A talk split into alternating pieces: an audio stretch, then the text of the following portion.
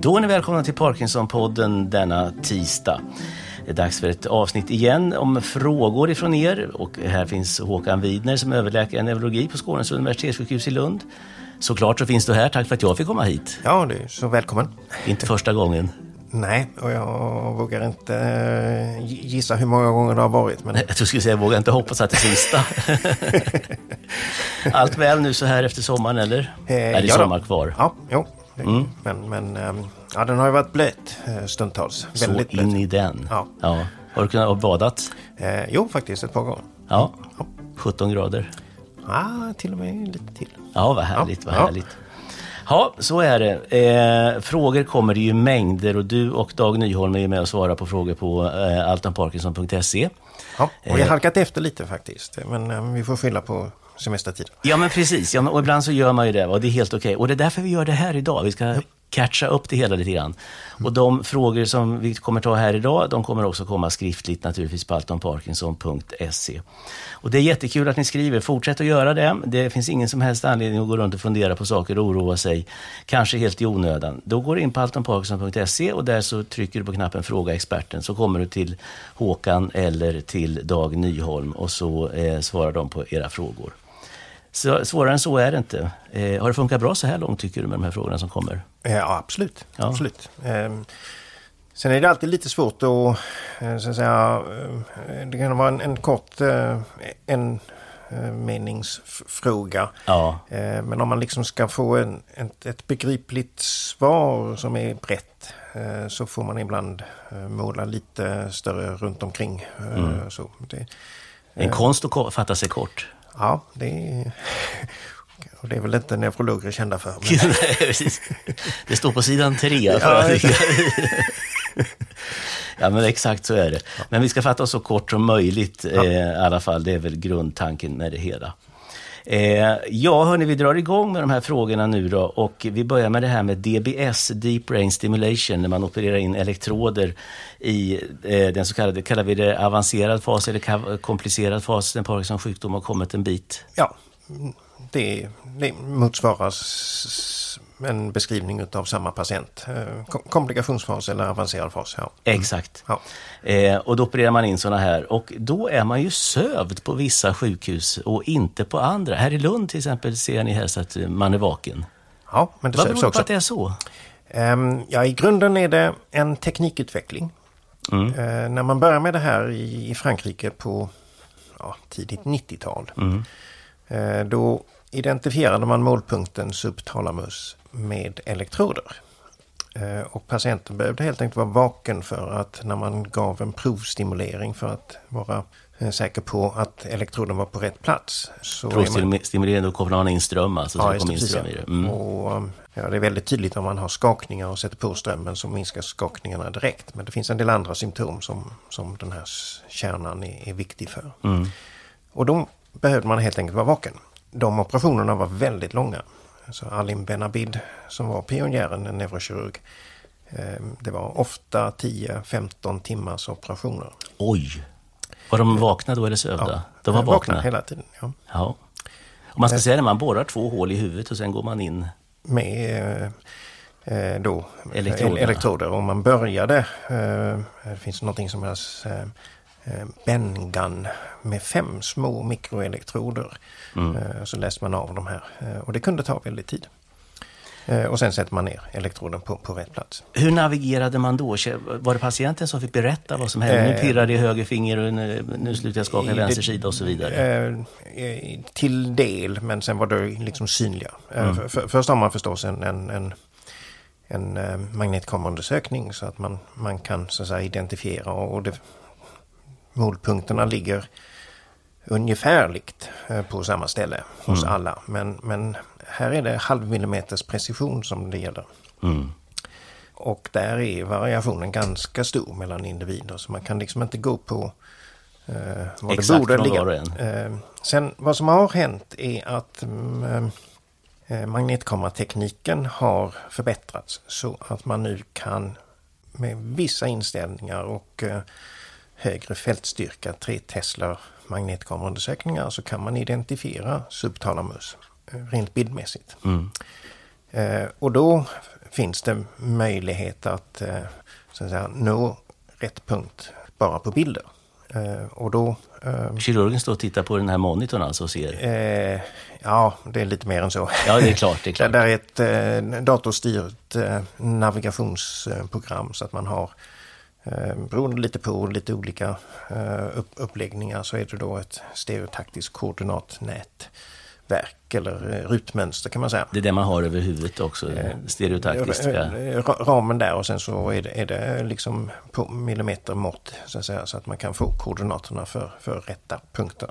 Och den här stereotaktiska grejen man har på huvudet är som en halv jordglob kan man väl säga? Ja, ungefär så. Mm. Rund? Ja, mm. en del är rund ja. Mm. ja Okej, okay. det finns alla möjliga ja. varianter. Um, Men varför och, väljer en del att söva och andra inte? Alltså man kan säga en del av operationen så sövs alla. Det är när man lägger ner elektroden eh, under huden och dosan på bröstkorgen. Det är ganska smärtsamt. Ja. Eh, så där sövs alla kort. Jag ska bara förklara det, för att man, man får alltså de här trådarna in och sen, sen drar man trådarna under huden och sen sätter man den lite som ett batteri kan man väl säga. Ja, Vid nyckelbenet ungefär, som ja, en pacemaker, ja, under huden där. Och när man Precis. stoppar ner de här elektroderna till den under huden, det är då man är sövd. Då är alla sövda. En halvtimme ungefär. Ungefär så. Mm. Man kan säga så att en Parkinson-patient är ganska känslig för att bli sövd. Varför det? Två saker. Dels eh, är det att själva narkosen gör att eh, mottagarna av dopamin påverkas. Så man blir väldigt känslig efteråt. Så det är ganska många patienter som har upplevt när man blivit sövd om man tar samma dos Parkinsonmedicin mm. första eller andra dagen efter en, en sövning att eh, man upplever en massa hallucinationer och... Jaha, det blir som en typ av baksmälla? Ja, man, man, får en betydligt kraftigare effekt. Och, ja. och, den effekten eh, blir större ju längre tid man har varit sövd. Så en del är det omedelbara förloppet precis efter operationen mm. är enklare ju kortare tid man varit sövd. Och sen är det också så att um, blodtrycket hos en Parkinson-patient är ofta lite instabilt. Och uh, det kan vara rätt svårt att hålla ett blodtryck under en operation. Mm. Med magnetkameratekniken så är det så att säga, möjligt att operera sövd. Mm. Um, och det är ibland börjar vi med en sövning men man skulle vilja provstimulera. Då väcker vi patienten under narkos. Uh, gör en provstimulering. Och det kan man göra med den elektroden man har satt i. Och sen söver ner igen. Mm. Så det finns väldigt många olika varianter. Ehm, jag tror Umeå till exempel opererar de flesta i narkos. Okay. Medan vi har ungefär hälften. Jag kan tänka mig att många tänker sig borra hål i huvudet. Eh, då skulle man gärna sova. Hur känns det liksom? Känns det någonting? Um, och när man alltså stoppar elektroderna i hjärnan, känns det? Ja, uh, där känner man ingenting. Alltså Nej. hjärnan är ju verkligen så, den är helt okänslig. Mm. Uh, I alla fall fysiskt. Ja. ja. Det, det, finns ju eh, många exempel på eh, ja, eh, patienter från Kina som har opererats i hjärnan och med ja, helt vaket. Och mm. När jag läste medicin för väldigt länge sedan så kom jag mycket livligt ihåg en, en, en liten filmsnutt om en patient eh, som hade skallen öppen och eh, satt och åt apelsin medan de opererade. Oh, det låter rätt groteskt. Ja, det är inte... Det, det är inget som, som man ska rekommendera. Nej. Men, men hjärnan är som sagt var helt eh, smärtokänslig. Förutom hjärnhinnan. Mm. Hjärnhinnan är lika smärtsam som benhinnorna. Så om man okay. liksom slår i eh, skenbenet i någonting så gör det infernaliskt ont och hjärnhinnan är på samma sätt. Men det är bedövat? Den, den är bedövad ja. Mm. Och samma med huden, man kan liksom eh, bedöva den väldigt effektivt. Mm. Att, jag har själv inte blivit borrad i huvudet men, men de, de patienter brukar beskriva det som en, en uh, ungefär som uh, lite mer intensivt än som när man är hos tandläkaren och det borras mm. i, i tänderna. Det blir ju en ganska hyfsad resonanslåda om man säger så. Ja, precis. Ja. Det finns fördelar att göra det öppet eh, eller i vaket tillstånd. Eh, intuitivt vill nog de flesta patienter bli sövda. Men om man beskriver lite varför man väljer det ena eller det andra eh, så Alltså en väldigt lång narkos är inte okomplicerad. Nej. Om du tittar på, eh, av 100 patienter som ni sätter in DBS på här, hur många är vakna, hur många sövs? Mellan tummen och pekfingret? I Lund, jag skulle säga hälften. He Okej. Okay. Mm. Mm. Under den fasen man sätter i. Vad tar en, hur lång tid tar en operation idag? Två till max tre timmar. Det går så pass fort? Ja. Uh, om, om allt är så att säga okomplicerat så... Mm. så uh, sen kan man ju säga så att det hänger på hur mycket man har kunnat förbereda. Uh, för att hitta rätt här så gör vi en magnetkameraundersökning, narkos, veckan innan. Ja. Okay. Poängen är att den är under narkos därför att eh, varje pulsslag mm. eh, så rör sig hjärnan. Just det. det är en så kallad hjärnpuls. Och delar av hjärnan flyttar sig någon eller några millimeter. Så hjärnan i sig eh, pulserar? Ja, absolut. Mm. Och det kan man då kontrollera. Och man kan göra väldigt sofistikerade delar. Men, men då är det en fördel att man är sövd kort tid.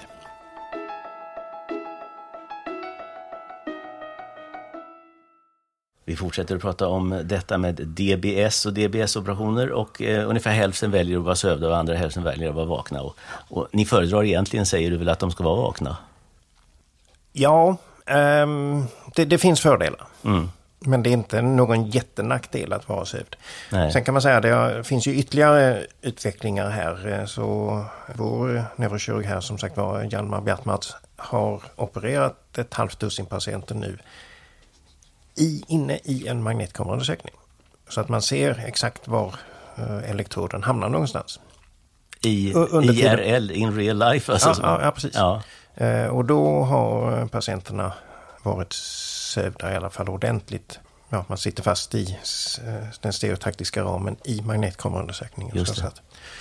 det har tagit lite längre tid än de, de operationerna men det är liksom en ny teknikutveckling.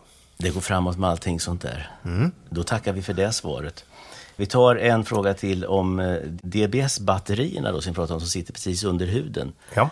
Eh, tål de vinterbad? alltså riktig kyla? Ja, det ska de göra. Eh, numera så finns det ju tre tillverkare och system. Eh, och det finns några som är uppladdningsbara, några som eh, liksom man får byta regelbundet. Mm. Eh, allt efter hur mycket ström som förbrukas. Och de gamla versionerna eh, för då 20 år sedan eller mer. Där var de känsliga för framförallt magnetfält. Så de kunde stänga av sig i vissa lägen. Okay. Det kan de inte längre. Nej. Så de moderna systemen är väldigt eh, så att säga, robusta. Men finner man nöje i vinterbad så är det helt okej okay, även om man är DBS-opererad? Ja, ja, och det är som pacemaker. Det är ju inte heller något absolut hinder om inte något annat framkommer så liksom bastubad och sådant. Eh, mm. Eh, eh, de ligger ju under huden så att säga och, och kyls på samma sätt. De hettas inte upp. Nej. Däremot så kan man inte göra magnetkameraundersökningar hur som helst om man har opererats med djupelektroder. Okej. Okay. Är det sån information man får när man får in ja, får efter men det är inte alltid att man riktigt känner till det där. Vad, vad kan det få för konsekvenser? Ja, de här magnetfälten eh, kan värma upp elektroderna. Okej. Okay. Så att man kan under vissa omständigheter få så att säga, brännskada inne i hjärnan. Eh, så det finns restriktioner. Det blir som ultrasound och fokus ultrasound fast på alla möjliga ja. ställen. ja, precis. det kanske var en dum liknelse? Nej, nej, nej, det är helt rätt. Det är precis så. Ja. Mm. Så det finns restriktioner. Sen, sen kan man göra magnetkameraundersökningar på väldigt många olika sätt och det är olika fältstyrkor och sådana här saker. Så att man kan räkna ut det där. Men det finns restriktioner. Mm. Nu lämnar vi DBSen och eh, ska bli mer administrativa. Eh, hur fungerar Parkinson-registret? Anmäls alla som får diagnosen automatiskt? Om inte det är så, så måste det finnas ett stort mörkertal, säger den här. Ja, man måste i princip tillfrågas och ge åtminstone ett muntligt tillstånd att gå in i registret. Det behövs inte längre ett skriftligt tillstånd, men det är ingen automatik att eh, man förs in i registret, utan man måste så att säga, informeras om det. Mm. Sen, Vad är registret till för? Det är ett nationellt Parkinson-register. Ja, just det. Och numera så ligger det under Svenska neuroregister, så att det är åtta diagnoser tror jag det är det har startats som ett så att säga, kvalitetsregister, alltså ett, ett sätt att utvärdera eh, sjukvårdsfunktioner på olika sätt.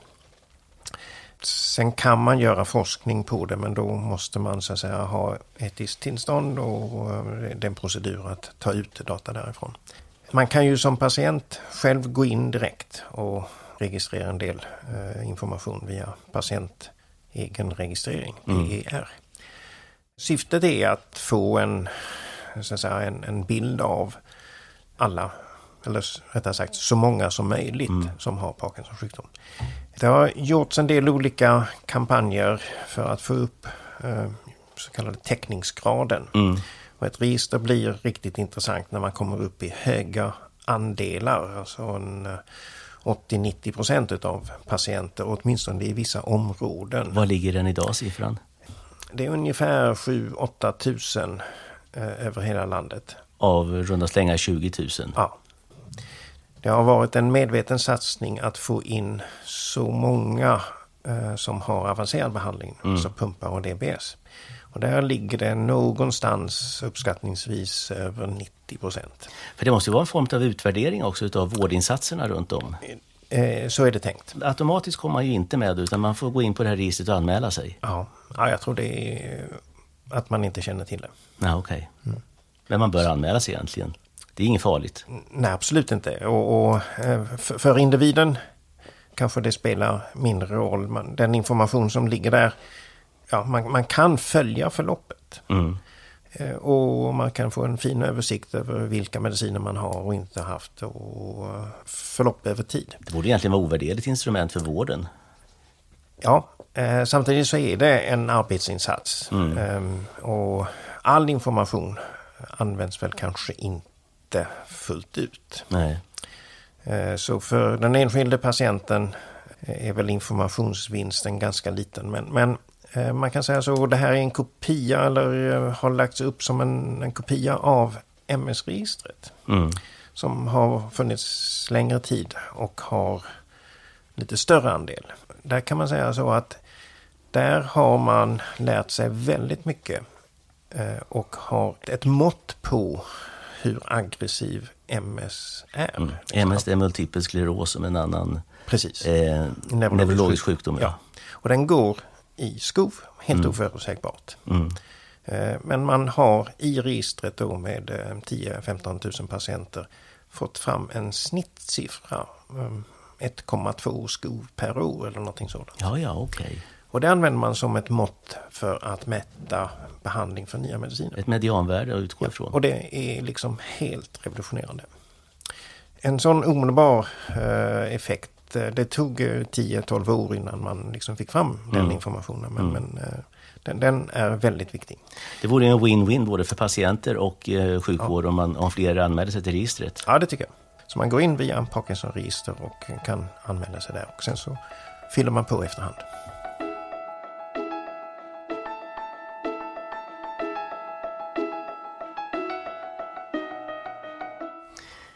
Parkinson-registret var det ja, och där bör man gå in och anmäla sig till som ni hörde här nu i Parkinson-podden. Nu ska vi prata om det här med kosttillskott. Därför att, eh, jag tror vi har pratat om det här en gång tidigare faktiskt, just magnesium. En, många tar ju mm. magnesium mm. för att eh, det ska tydligen hjälpa mot eventuella kramper och så vidare. Ja. Mm. Och då är det en som frågar, stämmer det att magnesium kan minska effekten på min L-dopa? Ja, det, det kan det. Det beror lite på hur och när man tar det, men, men magnesium kan så att säga, binda sig rent kemiskt till aminosyran L-dopa eh, och göra att det inte tas upp riktigt lika mycket. Och L-dopan är ju byggstenen, det, främsta det, byggstenen det, i medicineringen. Ja, ja, precis. Man riskerar att tappa effekt. Så mm. till exempel eh, om man eh, har magbesvär så är det ju vanligt med medel typ Novalucol, Novalucid. Mm. De är väldigt rika i magnesium och där, där är det en tydlig så att säga, dämpande in, effekt. ja. Uh, och um, jag har inte använt uh, Novalucol på ja, 25 år till någon Parkinson-patient kan jag säga. Nej. Nu finns det bättre medel än, än så men, men det, det, det, används fortfarande ju. För att inte få den här effekten om man nu sitter med massa magnesiumtabletter hemma och blir hjälpt utav det. Hur ska man fördela intaget mellan L-dopa och magnesium i så fall? Ja, det ska gå en tid emellan i alla fall. Ja. Eh, Handlar det om timme eller Ja, någonting sånt där? nå- någonting sådant. Mm. Eh, sen, sen ska man ju komma ihåg att kramper vid Parkinson är väldigt vanligt. Mm. Och då är det lika ofta dopaminbrist som magnesiumbrist. Okej. Så, så kramper, eh, om det finns liksom ett mönster, att till exempel att man vaknar med kramper Mm. en sen natt eh, och framåt morgonen. Så är det dopaminbrist och inte magnesiumbrist. Mm. Det, och framförallt om foten vrider sig så att man liksom går på utsidan av foten eh, till exempel. Ja. Eh, Vad ska man ta då? Ja, det är, en dopaminbrist, dystoni eller kramp. Mm. Då, då ska man få en bättre, eh, jämnare dopaminhalt eh, Mm. i, i, eh, eh, av, av sin medicinering. Det finns väldigt många olika saker man kan, kan göra så att det, det beror lite på. Men, men det är dopaminbrist. Det är det det handlar om i grunden? Ja, Mm. och, och, och inte eh, magnesium. Nej. Magnesium är för idrottare eller om man tränar eh, väldigt mycket. Då, då Mm. kan det väl vara läge. Då kan en del av sådana här sportdrycker vara bra. Mm. Jag hade en patient här som skulle cykla ett långlopp i franska alperna. Mm. Ehm, och han hade skaffat en, ehm, eh, en liten kamel kallas det. Mm. Så en ryggsäck med vätska. Just det. Och sugrör till munnen i princip? Ja, just det. Vi gjorde så att eh, han har tränat ett par gånger. Han är från Danmark och är patient hos oss. Mm. Så han tränade en del. Och det här är, det, det är inte liksom en söndagscykling här. Nej. Utan det är, Det låter som Tour de France nästan. Ja, och det var riktigt backigt. Mm. Jag, jag kan säga jag hade inte klarat det. Eh, men han hade en flaska med eh, sportdryck. Mm. Eh, och då ska den inte vara så väldigt mycket socker i den där. Eh, inte för mycket magnesium men en del andra salter. Och den andra fyllde vi med löslimmad park och eh, apelsinjuice.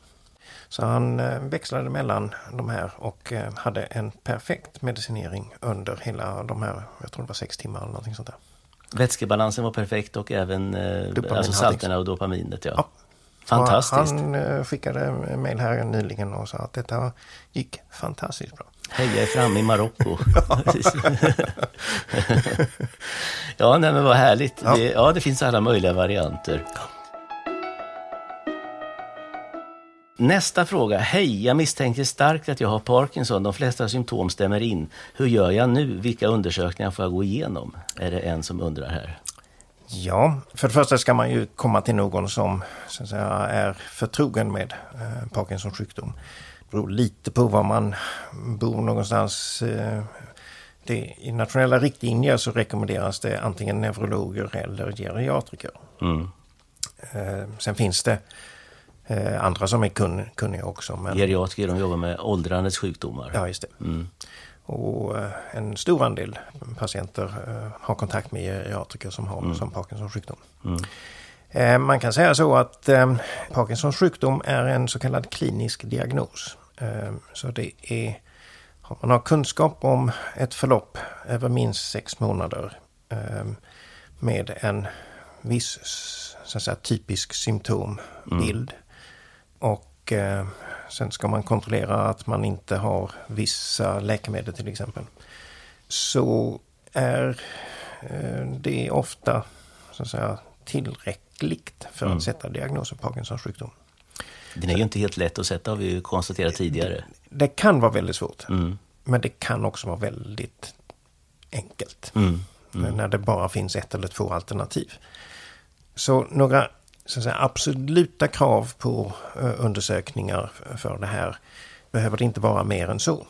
Eh, sen kan man säga... Vem ska det- kontakta tycker du? Hur gör jag nu liksom? Be att få en remiss av sin vårdcentral eller Ja. till en neurolog? Precis, det, det är bästa sättet. Mm. Och vilka undersökningar får jag gå igenom frågorna också där? Ja, det beror lite på. Ja. Eh, Sen kan man säga i nationella riktlinjer så rekommenderas det att man någon gång gör en magnetkameraundersökning eller möjligen en skiktröntgen. Just det. Eh, Och det är egentligen inte för att, så att säga, påvisa Parkinsons sjukdom. Parkinsons sjukdom ger inga förändringar på en magnetkameraundersökning, en, en vanlig magnetkameraundersökning eller en, en skiktröntgen. Men det finns en del väldigt ovanliga andra orsaker. Okej. Eh, Och de ser man då. Men man kan spruta in radioaktivt ämne, isotoper också och se det eventuell... kan man också göra. Om det finns en, en tveksamhet och framförallt beroende lite på vilka symptom man har så kan man göra en mätning på dopaminsystemet. Det finns eh, tre, tre, olika varianter på det där. Men då är det ett svagt radioaktivt ämne eh, som binder sig till nervändarna på ett eller annat sätt. Och då ser man nästan procentsatsen och, i, i eh, de basala ganglierna på dopamin? Precis, ja nedgången och i så fall. Det typiska är att det då är en sidoskillnad höger-vänster sida på ett mm. annat sätt. Och det är slumpartat vilken. Det mm. har ingenting med om man är höger eller vänsterhänt eller någonting liknande. Nej. Utan det kan vara sänkt på ena sidan. Och, och skakar man i vänster det, sida så är det höger sida i hjärnan. Och tvärtom. Precis, ja. Och sen är det också eh, delar i basala ganglerna. Så att det, det typiska mönstret vid Parkinson det är att ena sidans putamen är lägre mm. än den andra och eh, normala halter i det andra området som är intressant i caudatus. Dystoni och dyskinesi är väl? Det är en senare mm. problematik vanligen och vanligen kräver det att man har börjat med medicinering.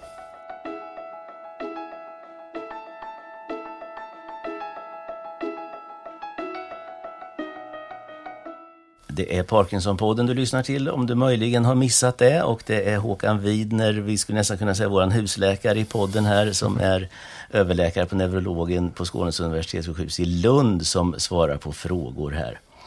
Vi går vidare i de här frågorna här. Är det möjligt om man har Parkinson-diagnos att få förebyggande sjukpenning för träning en timma en gång i veckan?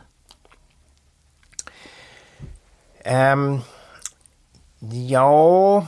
Um det är nog upp till Försäkringskassan. Eh, jag har inte själv någon patient med detta. Vi har det vid andra tillstånd. Men just för Parkinson känner jag faktiskt inte till det. Nej. Men man kan eh, ställa frågan. Man ansöker om det. På Försäkringskassan? Ja, som händer. Ja, mm. och det är ett speciellt läkarintyg som behövs för det. Ja, Sömn och Parkinson är ju ett ämne som har varit uppe ett antal gånger också och nu ska vi prata om sömngång till och med. Att gå i sömnen. Jag har Parkinsons sjukdom och helt plötsligt börjat gå i sömnen. Känns såklart mycket obehagligt. Kan gå ut från huset och vara helt omedveten om det dagen efter. Eh, jag har precis som så många andra problem med sömn, Parkinson-patienter problem med sömnen. Mm. Jag har fått Ictrovil. Eh, är det en bra behandling? Ja, eh, om man inte har varit så här sömngångare tidigare och plötsligt börjar det så kan detta vara just det vi kallar en REM-sömnstörning. För den REM-sömnen är... Eh, den ytliga drömsömnen. Ja, just det. Rapid eye movement någonting. Va? Precis. Mm. Och den är ofta påverkad, eh, ibland väldigt tidigt eh, och ibland flera år före Parkinson-diagnosen. Okay. Sömngång kan vara ett fenomen i REM-sömnstörning. Ehm, nu är just sömnambulism, det är en så kallad parasomni som kan vara en REM-sömnstörning men behöver inte vara det. Mm. Men, men det, det, låter som en, en REM-sömnsrubbning. Men det måste vara rätt otäckt att helt plötsligt, alltså man är ute och går utanför huset och sen så på, när man vaknar på morgonen har man ingen aning om att man har gjort det. Ja, det finns en variant på det här och det är om man har någras insomningsmedel. Stilnoct eller eh, Imovan eller mm. de kemiska eh, namnen Solpidem eller Sopiklon. De kan ibland, när man har tagit under en längre tid, ge upphov till sömngång. Mm. Hur ska man behandla det tyckte du? Iktorovil har ja, den här... Och, och, har man tagit eh, Imovan eller Stilnoct under längre tid då, då, ska man fundera på om den är rätt medicin. Mm. Och man kanske ska pausa det. Är det en konstaterad REM-sömnstörning eh, och eh, det är nog så man har resonerat i det här. Eh, då är eh, det som har bäst medicinsk dokumentation är just Iktorivil. Mm. Det finns en del andra. Det är så kallat bensopreparat. Ja. Mm. Ehm, och den har lite unika egenskaper just när det gäller eh, att påverka REM-sömnen. Så... Den stoppar signalerna, eh, bland annat med epilepsi såg jag någonstans. Ja, det är en, ursprungligen en epilepsimedicin. Mm. Och uh, bensodiazepiner är väldigt viktiga som så att säga, epilepsikomponenter. Det är ju inte epilepsi de här sakerna handlar om. Nej. Vi använder en, en hel del. Eh, de kan ibland slå fel så att de ökar mängden REM-sömn istället. Men metazapin, mianserin Mm. till exempel. Men man, om, om man har tagit sömnmedel eh, under en lite längre tid, insomningsmedlen, just de här två. Då är det en, en alternativ förklaring till REM-sömnstörning. Eh, Det händer ju ibland. eh, Man, man läser i tidningarna att någon har kört bil och, och då visar det sig att det har berott på de här sömnmedlen snarare än Just en REM-sömnstörning. Man behöver titta på vad man, om man eventuellt haft insomningstabletter av något Ja, slag. precis. Och, eh, men den här behandlingen med... med eh, Eh, Det låter ri- rimligt om man har konstaterat REM-sömnstörning. Ja. Det är den mest effektiva och bäst dokumenterade REM-sömnsbehandlingen. Äh, REM-sömnstörningsbehandlingen, ja. Perfekt, tack så mycket för det svaret. Vi pratade förut om nationella riktlinjerna. Eh, Mm. Har en fråga om det också. Hur ska man tolka Socialstyrelsens nya riktlinjer från 2022 när det gäller rätten att, till kontakt med ett Parkinson-team? ja. Ehm, Nu ler du. Ja. jag, jag, jag, det satt med, svårtolkat? jag, jag satt med i eh, den så kallade prioriteringskommittén eh, och också varit med i eh, olika arbeten och också uppföljningen här. Det finns motsvarande i England ehm, och ehm, där uttryckte man det väldigt tydligt att eh, rekommendationen är att eh, man ska ha en viss eh, tidsgräns till man kommer till någon som kan Parkinson för att sätta diagnosen till exempel och att man då har också att man ska ha uppföljningar. Där hade man skrivit in att vi är fullt medvetna om att detta är en målbild och inte en så att säga, realistisk Förväntan just nu. Ja, just det. Det är inte skrivet eh, riktigt lika tydligt den här reservationen. Att, att det här är en, en, en önskan eller målbild. Men, men eh, alla är medvetna om att detta är inte på alla ställen möjligt. Kommer det någonsin bli det, tror du? Det är Ja, ju om- som om- att fråga hur långt är snöre. Om man inte sätter upp ett mål så, så ehm, blir det ju svårare. Om man inte vet vart man är på väg så kan man hamna var som helst. Ja, precis. Var det någon Så- som så- sa som var ja. klok. Och eh, sen, sen kan man säga så att ehm, när, när det här diskuterades så, så kan man säga så att det, det, är ju samtidigt lite efter, vid, efter behov. Alltså vissa patienter kan behöva ha väldigt tätt med kontakter. Mm. Ehm, eh, och sen är det ju också så, det måste inte nödvändigtvis vara eh, en läkare. Utan, eh, ehm, Teamet och- består ju av flera professioner. Ja. Eh, Och, och där är det också sagt att eh, målbilden är återbesök två gånger per år. Åtminstone ett utav dem hos en läkare eller en Parkinson-sjuksköterska. Sen det multidisciplinära Parkinson-teamet så ska det finnas tillgängligt. Men det är ju ofta så att man gör en bedömning. Mm. Eh, Och sen väljer man ut eh, vilka som behöver så att säga, fortsätta. Att, att vid varje tillfälle man träffar sjukvården att det ska vara hela teamet. Mm. Det är ju inte meningsfullt. Nej. Det- Och teamet består av kurator, eh, Det- fysioterapeut, logoped, Parkinson-sköterska, läkare, arbetsterapeut. ja. Det finns en palett där. Det finns en palett och den kan vara lite olika och några har med en tandhygienist till exempel. Mm.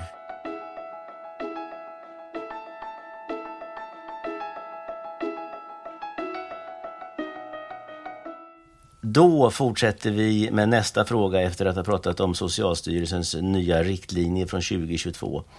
Nu ska vi kasta oss över ett annat ämne här, Meniers sjukdom nämligen. Vid behandling av Meniers sjukdom så skriver man ofta ut mediciner som Vertisan och Betahistin.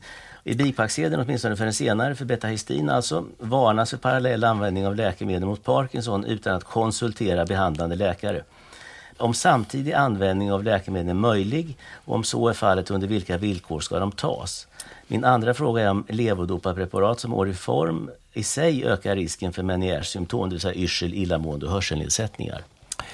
Ehm, ja, kombinationen Parkinson och Meniere är inte jättevanlig. Eh, och det är två separata sjukdomar. De har ingenting med varandra att göra. När det gäller de här där mediciner påverkar varandra så är det bara en typ som man varnar för i, i fasttexten. Och det är Selegelin eh, som är en av hjälpmedicinerna.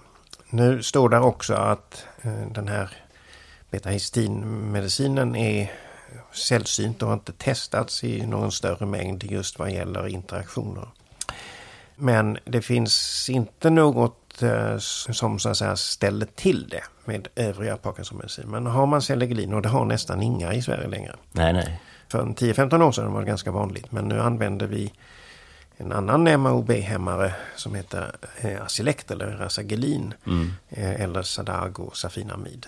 Ehm, eh, om man har dem eh, så kan man diskutera om, om det är lämpligt att kombinera det här. Men övriga Parkinson-mediciner eh, tror jag inte att det ska vara några problem. Men Vertisane Betaestin, han, den här som ställer den här frågan, han behöver inte oroa sig? Nej, har man Selegelin eller Eldepryl, då kan det väl vara olämpligt för det står explicit att man ska mm. försöka mm. undvika den kombinationen. Okay. Men det är lätt att byta ut den. Det eh, finns bra ersättningar för ja, dem? Ja. Mm. Eh, och att, att L-dopa skulle påverka Menier i sig, det har jag faktiskt väldigt svårt att tro.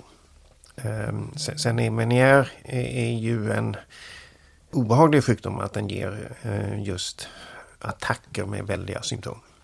Yrsel och illamående och... Ja, och hörselnedsättning. Ja, det låter, och den går i skov på något ja, sätt den också. Ja. Och det hänger ihop med vätskan i innerörat, endolymfan. Mm. Men det, där Parkinson har ingenting med det att göra.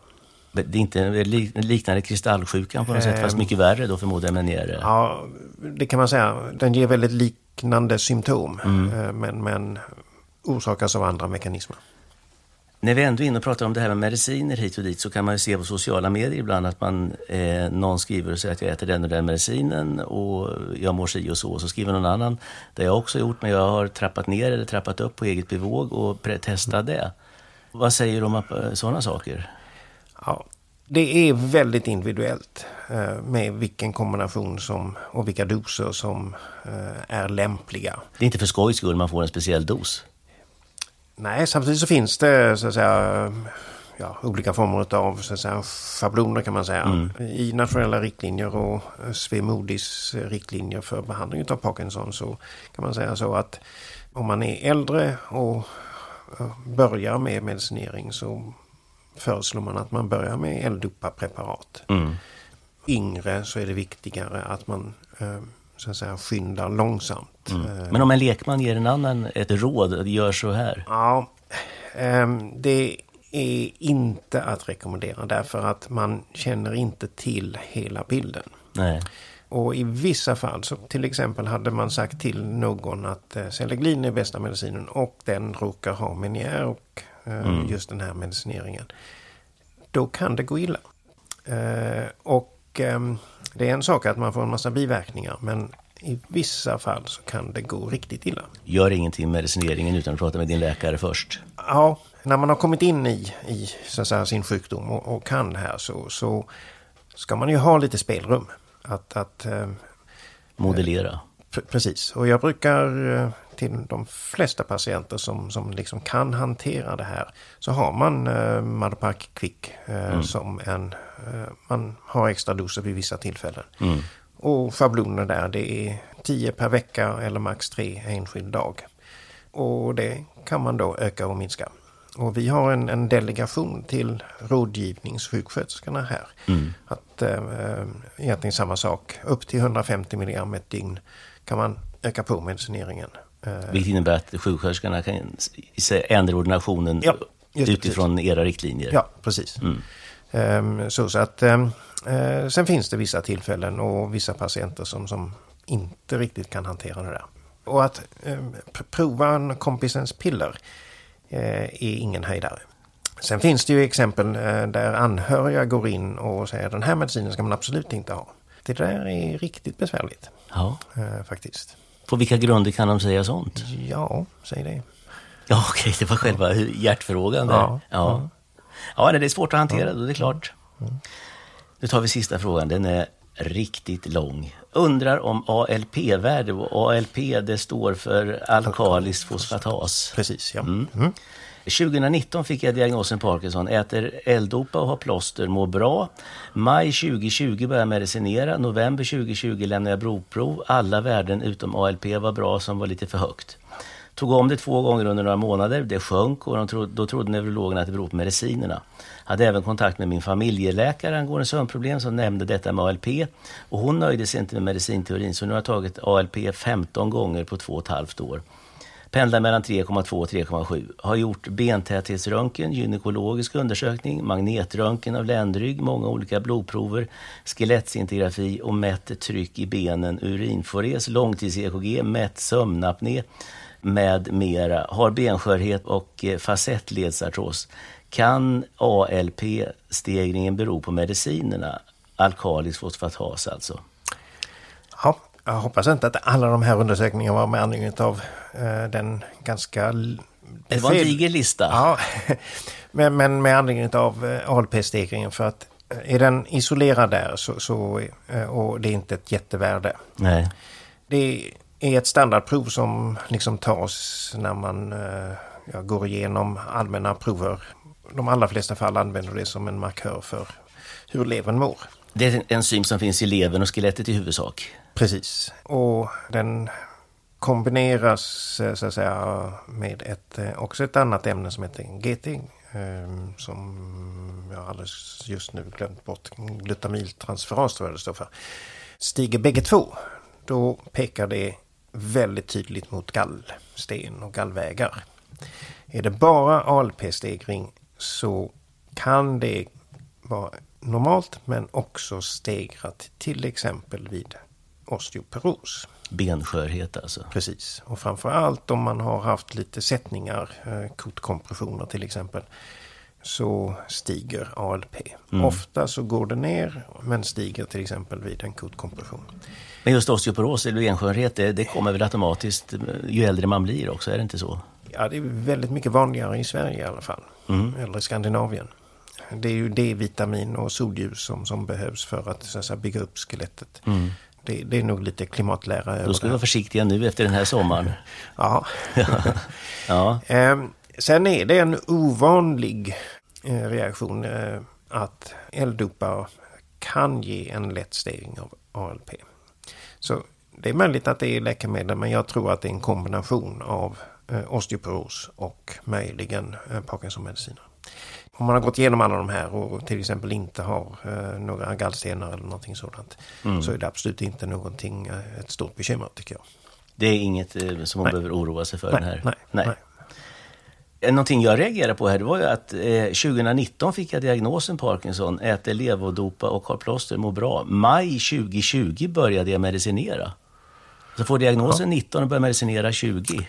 Ja, en, en rekommendation i eh, Svemodis riktlinjer är att har man symptom och så att man kan sätta en diagnos, då eh, ska man börja medicinera.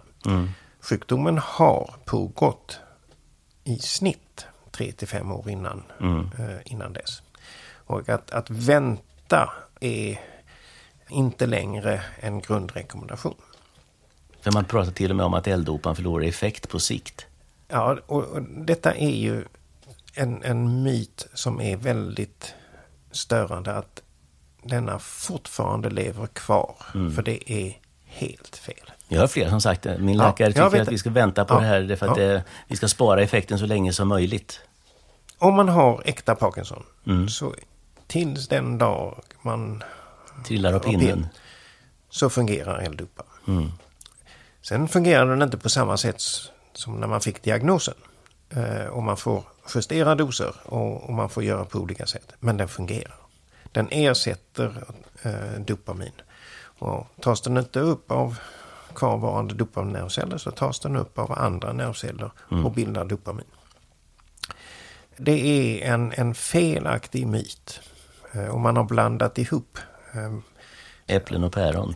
Ja, och det är någonting här just att medicineringseffekten ändras. Och det är att den, eh, dosglapp och att eh, man kan få överrörlighet, att man då måste eh, justera medicineringen. Eh, det är det som man har avsett när man har sagt att medicineringen inte har samma effekt. Just det. Men den slutar inte. Och gör den det, då har man inte Parkinson. Då är det någon annan diagnos. Atypisk Parkinson. Där kan så att säga, medicineffekten avta. Och det är för att den del där dopamin så att säga, verkar på mottagarna i basala ganglerna så drabbas de av sjukdomen. I receptorerna där alltså. Just det. Så att där finns ingenting att det, det som händer vid atypisk Parkinson, eller vissa utav dem i alla fall, men just multipel systematrofi, där man har haft en behandlingseffekt Mm. och den avtar, så försvinner receptorerna. Och då kan dopamin inte fungera. Man kan ge hur mycket som helst. Men det är en ganska klar indikator å andra sidan. Ja, just ja. Mm. Eh, Men, men det händer inte vid Parkinsons sjukdom. Nej. Så att det, detta är någonting och det är helt otroligt att detta lever kvar 20 år. 23. Ja. Du Nej, låter nästan irriterad när Ja, du hör det, det. och jag förstår inte eh, därför att... ehm, Det är ju neurologer som säger så här förmodligen då. Ja. Ja. Ja. Det är, inter, det är interninformationen. Ja. Ja. Svemodis har vi sagt några gånger här nu. S- Swedish eh, Movement, Movement Disorders. Society. Ja, precis. Så var det ja. Ja. Så har vi det Det är så att säga yrkesorganisationen för vi som är så att säga intresserade eh, av främst Parkinsons sjukdom och Mm. den här gruppen av sjukdomar. Jättebra. Tack så mycket för alla de här svaren på de här frågorna Håkan och Mm. Håkan och Dag Nyholm som är med oss också på altonparkinson.se dit du kan skriva och ställa dina frågor och du får svar ganska snabbt på den sidan. altonparkinson.se går du in på och så trycker du på fråga experten så kan du ställa din fråga. Du behöver inte gå runt och oroa dig för saker i onödan. Det känns väl jättetokigt. Tack så mycket än en gång Håkan. Eh, tack vi lär ses fler gånger här. Detta avsnitt av Parkinsonpodden har möjliggjorts med stöd av AbbVie och Transkutan AB. AbbVie och Transkutan AB har ingen påverkan på programval eller innehåll. Inge Amundsen är tekniker och ser till att ljudet blir riktigt bra. Jag heter Anders Stålhammar. Ha det så bra så hörs vi. Tack för idag. Hej då.